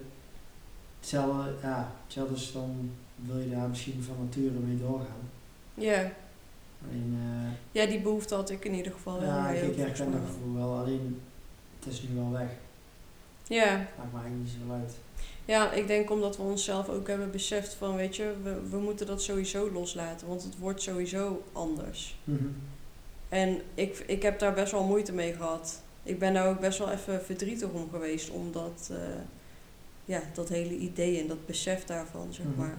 En ik merk zo dus iedere keer dat het weer een stukje extra loslaten is. Maar goed, dat dus. Dus het maakt ons niet meer uit wat het is. We zijn gewoon. eh, en ook het. Ik heb me dus ook bewust eh, vaker gevisualiseerd dat we met een lief klein jongetje, babytje, zo in onze armen zitten, weet je wel. Mhm. En daar word ik ook gewoon heel blij van. Mhm. Dus eh, ja, dat. Ja, Daar ik hebben we wel rust in gevonden. Ik had wel echt ook zin om uh, meisje te hebben met haren vlechten en kan uh, papa's prinsesje. Maar zo'n eigen kleine leeuw die ik groot moet brengen en net zoals Simba of noem je dat van Lion King. Kijk dit is de wereld, weet je wel. Succes. Dat lijkt me ook leuk. Hmm. En eh, een eigen alfa mannetje in huis. Ja, leuk. Dat is ook leuk, ja.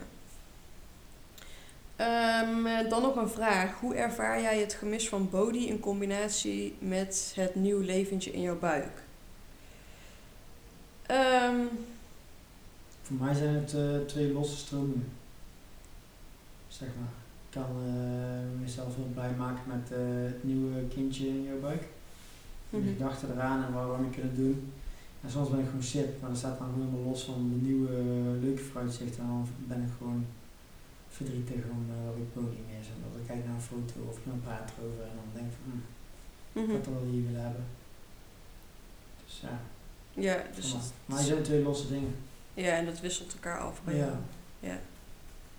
Ja, ik heb wel... eh, ik moet zeggen dat ik daar nu wel eh, beter mee om kan gaan. Maar ik heb...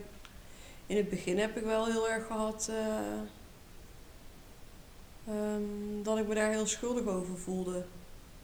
van, ik wil niet dat hij of zij zit te marineren in al die ellende, weet je wel. Ik was daar zo, ja, ik vond het gewoon echt niet fijn. Maar ik weet ook dat het helemaal niet anders kan. Dus ik, het is nou eenmaal zo, weet je wel. Dus ik heb me daar wel bij neer moeten leggen ook. Ehm, en ik weet ook dat ik daar, als ik daar goed mee omga, dat ik mijn, het nieuwe kindje in mijn buik, zeg maar, dat ik die daar geen schade mee aan doe. Want dat is dan waar ik bang voor was. Van die zal voor zijn hele leven beschadigd zijn en uh, bla bla bla.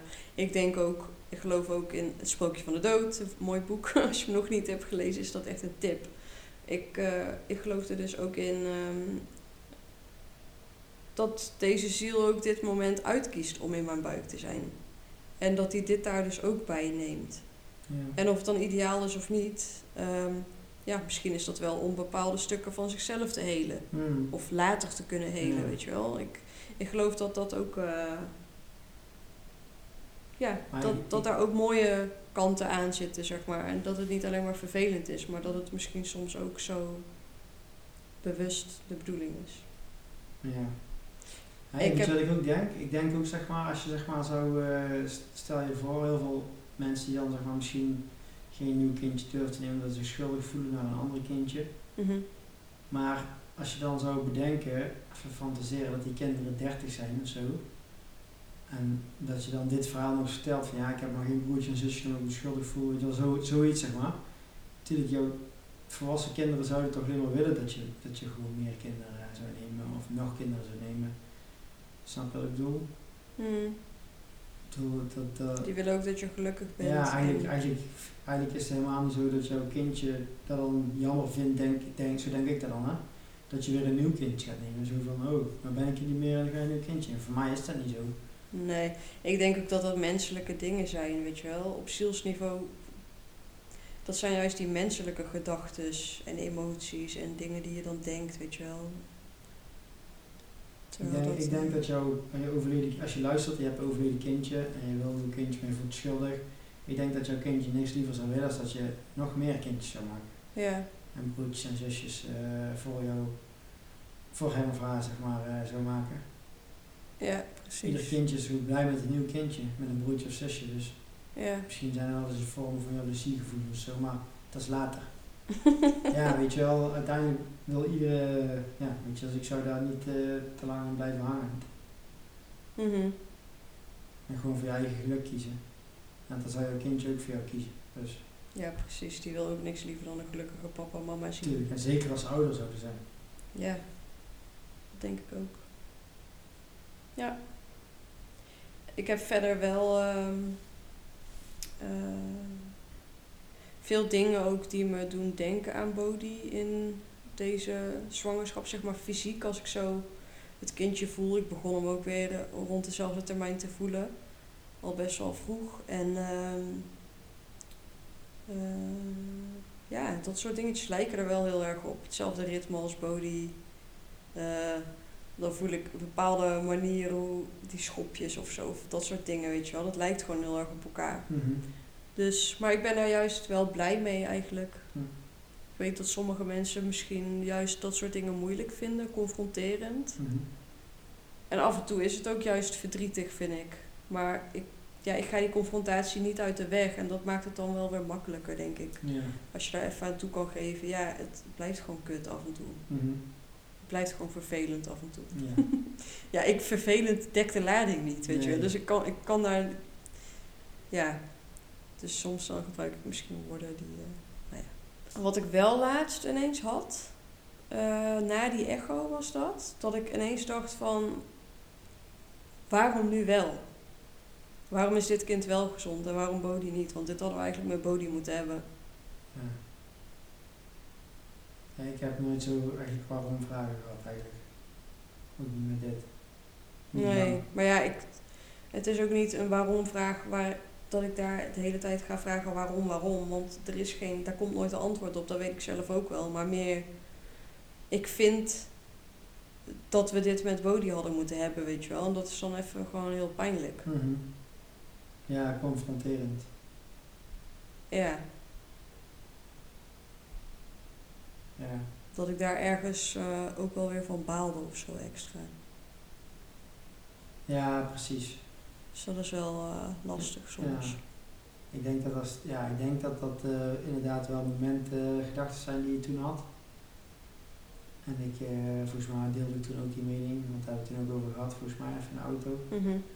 Maar eh, ja, dat, voor mij verdwijnt dat sneeuw voor de zon, dat, die, en dat het gewoon weer, ja, we gaan wel verder dan, weet je wel. Ja, Ja, misschien, misschien ben ik te wegstopperig of te kort eh, met dat soort dingen, ik weet niet. Maar ja, ik hou er wel van om dan snel, ik, het is er nu over begint alsof we het al lang hebben vergeten dat we het toen over hadden, zeg maar. ja. Je. Nou ja, ik ben sowieso iemand die eh, wel graag even stilstaat. Ja, misschien moet ik daar misschien kan ik iets van leren. Jij kan sowieso heel veel van mij leren. ja. Grapje. Maar ehm, ik denk ook, eh, dan ga ik meteen een bruggetje maken naar de toekomst. Ehm, ik denk, ik verwacht ook dat we dit soort dingen nog best wel veel gaan krijgen. Want er zijn heel veel dingen die we met Bodhi hadden willen Wat voor doen. dingen?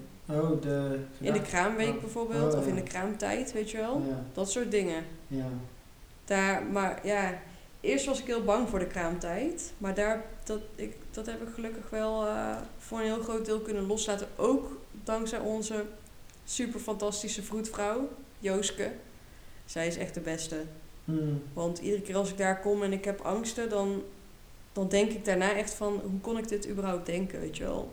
Zo heeft zij mijn hele bewustzijn Ja. weer veranderd. Ja, dus die kraamtijd. Ik denk dat er heel veel dingen wel eh, getriggerd gaan Ja. worden. Ook trau- trauma's. Maar zou dat ook zijn, denk je, als het een, stel het is een jongetje, zou het dan ook zo zijn? Want dan, als je die luier dan schoon zit er in één keer iemand onder. Ja. Is toch, eh, wel? Ik weet niet of dat dan misschien een verschil maakt. ja, maar kijk, waar, bijvoorbeeld één zo'n zo'n ding waar ik heel erg naar heb uitgekeken altijd, was die draagdoek. En dat waarschijnlijk denken mensen nu, want het is dan even een onbenullig iets.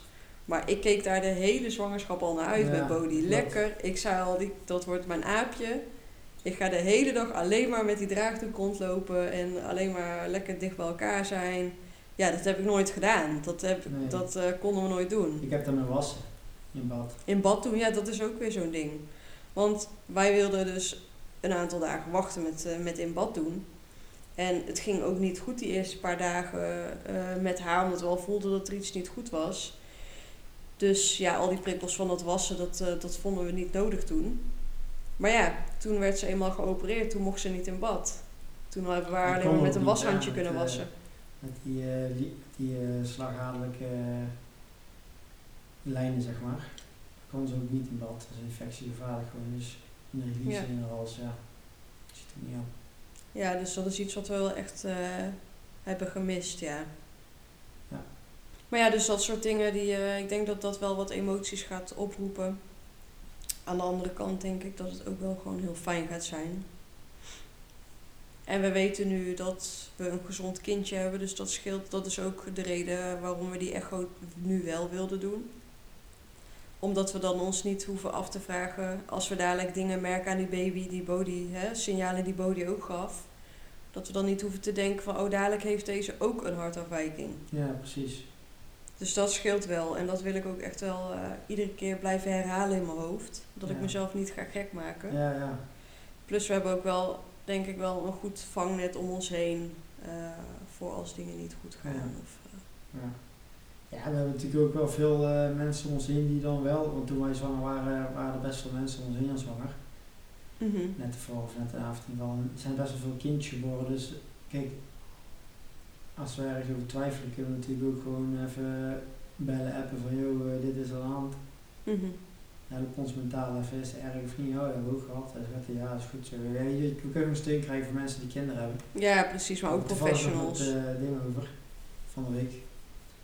Toen dat kindje toch ziek was en zo. Ja. Toen eh, zei ik al van, ja weet je, als ik met tranen aan de deur sta van eh, help, dan eh, ja, als ze gewoon hun, als ze weten dat dat gewoon normaal is, dat ik dan een kunnen halen. ja, Dat precies. is gek te zeggen. Ja. ja, want dat is een beetje de pest aan dat het ons eerste kindje was. Dat wij, wij weten niet de normale signalen, zeg maar. Dus ik, dat, dat is wel misschien iets dat we ons sneller druk gaan maken, terwijl het gewoon erbij hoort. Mhm. Maar goed, daar komen we dan ook wel uit. Nog een vraag die we hadden gekregen. Gaan jullie ook iets veranderen aan de babykamer? Hmm. Nou ja, eigenlijk eh, niet. Alleen we gaan de commode gaan we nou bij ons op de kamer zetten en de baby slaapt bij ons op de kamer. Dat was sowieso een plan. Ja. Nou hebben we alleen de commode die we bij ons gaan zetten, dus eigenlijk niet. Ja, wel niet. Ja, Nee. Ja, het staat nu nog allemaal ehm, Dat ledikantje. Want we hadden eigenlijk een co-sleeper waar Bodie dan in sliep bij ons op de kamer. Maar we hadden ook een ledikantje alvast in de babykamer. Eh, en daar heeft Bodie in gelegen toen ze opgebaard lag, zeg maar, hier thuis na het overlijden. En daar hangen nog wat foto's boven en wat, eh, ja, wat dingetjes ernaast en zo. Dus dat soort dingen. We hebben daar nog helemaal niks aan gedaan. De hoeslakentje zit er nog omheen. Alles, we hebben gewoon alles zo Gelaten het laten liggen, precies, ja, Mhm. en niks meer aangeraakt. Dus dat wil ik wel opgeruimd hebben en ja, dat het weer eh, in een normale staat is, zeg maar. Maar goed, wanneer dat we dat gaan doen, weet ik nog niet. Ja, weet je, het is al onze spullen die we hadden zijn ongebruikt. Ja, en we hebben daar natuurlijk, we- ze heeft op onze kamer ook gelegen die eerste paar dagen. En verder hebben we die kamer eigenlijk helemaal niet gebruikt. Ja, eh, dat kussen om maar een keer op te leggen om te verschonen, maar... Het. Is niet dat, dat we daar bepaalde, een bepaald gevoel bij hebben bij die kamer. Het is ook onze kledingkast die staat daar nog. Die stond daar al. Dus het is voor ons ook onze kamer waar- waarin we omkleden. Dus dat is. Het is niet zo'n. eh, ja, er is eigenlijk niet echt iets speciaals mee of zo. Dus we laten het gewoon zo. En eh, de baby komt toch bij ons op de kamer te slapen. Dit keer niet meer in een co-sleeper, maar eh, samen in bed. ik eh, wil hem zo dicht mogelijk bij me hebben. Dat, liefst wilde ik dat met Bodie ook al, sowieso al. Maar op dit moment voelt zo'n co-sleeper ook gewoon te ver weg. Ja, Mensen zullen misschien zullen niet iedereen, zal niet iedereen het begrijpen, maar maakt niet uit. misschien ook wel. Ja. Ja, ik vind, eh, ja, Bodie hebben we nou zo vaak achter moeten laten. Mhm. Ja, precies. De IC. Alleen, zo dat bedoel je. Mhm. Mhm. Gaat nou niet meer gebeuren. Dan gaan we lekker veel snuffelen. Ja. Als konijnen. Anders nu een kindje. ja. Dat je zo wakker was met die kleine handjes op je neus. Ja? ja. Lekker zo dichtbij mogelijk, toch? Mhm. Zeker.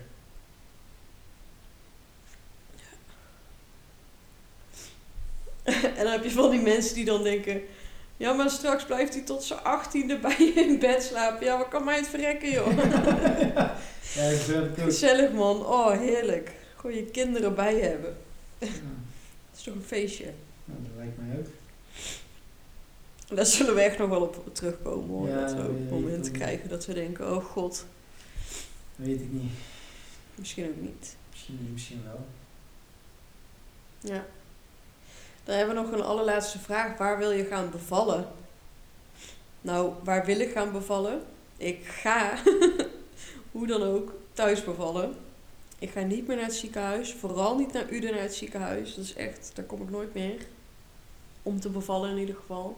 Tenzij het echt spoed, spoed, spoed is. Kijk, dan wil ik gewoon eh, dat eh, ik of de baby gered worden natuurlijk. Maar eh, ik ga me niet meer eh, in de val laten lokken van die achterlijke protocollen of omdat iemand eh, iets ervan vindt. Ik, eh,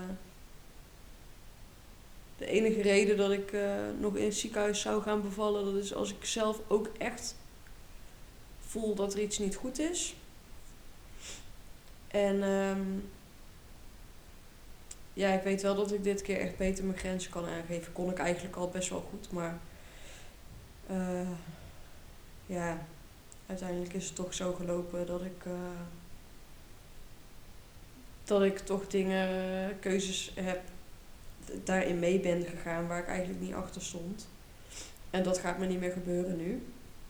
Dus ik ga geen onverantwoordelijke dingen doen natuurlijk. Ik ben ook geen. eh, ik ben niet achterlijk en ik ben ook gewoon een moeder die het beste wil voor zijn kind natuurlijk. Ehm, Maar eh, ja, ik ga niet zomaar meer in een ziekenhuis bevallen of op een andere plek waar ik me niet fijn voel. Ik wil thuis bevallen. En eh, stel nou dat ik wel kies om naar het ziekenhuis te gaan als er wel echt iets mis is, dan. eh, of als dat veiliger voelt, dan gaan we naar Boksmeren. Dat is wel. ik heb gehoord dat dat een fijn ziekenhuis is. Vanuit meerdere kanten heb ik dat gehoord. Eh, ja, waar ze ook ehm, ruimte hebben voor mensen die anders denken dan de protocollen. En ehm, dat ze die mensen ook de ruimte geven en eh, ondersteunen. Dat ze meer het natuurlijke proces ondersteunen. Dus dat past wel eh, bij ons, denk ik. Ja, lekker thuis. Heerlijk. Katten erbij. Lekker ontspannen. Fijne lichtjes aan. Verwarming aan. Verwarming aan. Pilsje erbij. Ja, lekker. En ehm bevalbad. Ik heb hier eh, ehm, een ding waar, waar ik, die, eh, waar ik zo'n doek aan ga hangen. Hmm. Het is eigenlijk een aerial yoga doek. Maar eh, die gebruik ik dan eh, ja, om, weet ik veel, in te hangen. Ik zie het wel. Als ik er behoefte aan heb, dan ga ik er lekker in hangen of aanhangen. En ja, geboortefotograaf Melissa erbij, want die heb ik afgelopen keer ook heel erg gemist. Hmm. En daar baal ik echt ontzettend van door die Ja. stom coronaregels. Dat we geen fotograaf erbij mocht hebben. Ja, dus die gaat eh, hele mooie foto's maken. En eh, ik ben heel benieuwd wel naar dat moment. Überhaupt, ja, hoe ziet onze baby eruit, weet je wel? Lijkt hij op body of niet? Daar, daar vraag ik me het meeste af. Daar ben ik het meest nieuwsgierig naar. Eh, dat is eigenlijk waar mij constant bezighoudt als ik denk aan het nieuwe kindje. Van hoe ziet diegene eruit? Ja, En is het jongen of een meisje? Die twee dingen. ja. Ja, ik hoop, eh, ik hoop stiekem wel dat hij op body lijkt. Zou wel leuk zijn, dat je gewoon van die bepaalde dingetjes heel erg herkent, weet je wel. Dat is gewoon leuk. Ja. Ik vind, ik, ja, ik vind het zelf leuk om daar weer aan herinnerd te worden. Dat je toch nog een beetje... Een beetje ervan leuk als onze kinderen op mij lijken. Ja, precies. Het was ook wel een knap kind. ja, nee, het was wel uh, klopt. Dat is leuk. En ik, ik, ik zou ook al zo'n. Ik zie je ook al lopen als een moeder eend met allemaal die kleine eentjes die allemaal op jou lijken. Of in ieder geval op elkaar lijken, weet je wel. Ja, dat zijn allemaal broers en zussen. Ja, leuk man. Ja. Heerlijk. Ja, dus die bevalling. Ik, eh, ik heb wel echt een traumatische bevalling gehad. Maar dankzij, eh, dat is ook echt, echt, echt een aanrader. Het hersteltraject van Zo beval ik. Ehm, Van wie is Ja. dat? van Brun Kuipers. Hm. Die eh, onder andere dan, hè, ze heeft een heel team eh, waarmee ze samen die eh, therapie geeft. En ja, dat is wel echt een, een aanrader, want ik ben niet meer bang om te bevallen. Terwijl ik na de bevalling dacht ik echt, dit ga ik gewoon nooit meer doen. Ja, dat kan me wel herinneren. Ja. Dat is wel echt binnen een paar keer dat geswitcht bij jou sinds twee jaar gedaan. hè? Ja, dat is één. Ik heb één gesprek gehad, een uitgebreid gesprek, en dan twee telefonische evaluaties nog. Ja. En sindsdien is het gewoon, ja, ik je voel me zo vrij. Ik voel me zo krachtig ook Ja. gewoon. Niemand gaat mij meer iets maken. En ehm, ja, ik heb gewoon weer zin om te bevallen, ja. Maar dat is, dat, dat is ook echt door onze vroedvrouw. Want zij is gewoon super chill en ik vertrouw haar. Ik weet zeker, al zou ik in het meest verschrikkelijke ziekenhuis wat er bestaat moeten bevallen, maar zij is erbij, dan komt het gewoon goed, weet je wel. Dan komt het ook goed. Ja, ja. Als je je zo voelt. Ja, precies. Dus dat, ehm, ja, dat, fijn. Ik ben alleen zo ongeduldig. Ik ben echt heel ongeduldig. Ik ook. Ik kan niet meer wachten. Ik ook in. Waar ik nu aan zit te denken, gaan we eigenlijk nog een keer een update geven. Als die kleine er is. Weet ik niet. Ja, dat kunnen we best doen, want nu hebben we allemaal dingen waar we denken hoe het gaat lopen en zo. Dan kunnen we onze bevindingen weer delen. Mhm. Dus dan kunnen we van, nou, de bevalling is achter de rug, drie minuten geleden, hoe voelen we ons? Ja, we- doei. Grapje. Nou, Ja, eh, misschien, maar misschien willen mensen tussendoor ook nog. eh, dat is wel leuk als je nu, als je nu luistert en ehm, je hebt zoiets van: hey, doe nog maar een keer eh, een podcast samen op een bepaald moment. Geef het even aan eh, wat je leuk zou vinden. Of over bepaalde onderwerpen. Vragen. Ja, precies. Als je nog niet vragen hebt. lang te zijn, hè? kan gewoon een kortere... Ja, we kunnen ook als mensen een keer een onderwerp hebben of iets, eh, een vraag waar ze, waar ze mee zitten of zo, dat, dat ze dat kunnen vragen aan Mhm. ons. Ja, Een podcast van een kwartiertje, dat is ook wel lekker hoor. ja. ja. nou is het drie uur en drie kwartier. Of niet? Kan niet zien. Ja, 15 uur. Nou, mooi moment om me af te sluiten. Ja. Ehm, ja, dankjewel voor dit mooie gesprek. ja, dankjewel liefste. En ehm, ja, Tot straks. dat is heel raar om zo af te sluiten samen. Ja. Oké, nou bedankt voor het luisteren in ieder geval. En ehm, nu komt de spectaculaire intro, outro van Holy Mama, de podcast. Hey. Heel erg bedankt voor het luisteren. Ik geef zo meteen alvast een preview voor volgende week, maar eerst even dit. Ik waardeer het heel erg als je me laat weten wat je van deze aflevering vond. Ik ben namelijk erg benieuwd of je er wat aan hebt gehad. Ik hoop met deze podcast zoveel mogelijk moeders te kunnen helpen en hiervoor heb ik jouw hulp nodig. Help mee om deze podcast zoveel mogelijk bekend te maken. Laten we samen het taboe rondom miskramen en babyverlies doorbreken en help zo ook andere vrouwen die hier wat aan kunnen hebben. Deel de podcast zoveel mogelijk op social media en laat een review achter. Vergeet ook niet om Holy Mama te volgen op Instagram en Facebook, zodat je niks mist. In de volgende aflevering praat ik met Marjolein. Ze verloor twee kindjes met 24 weken zwangerschap.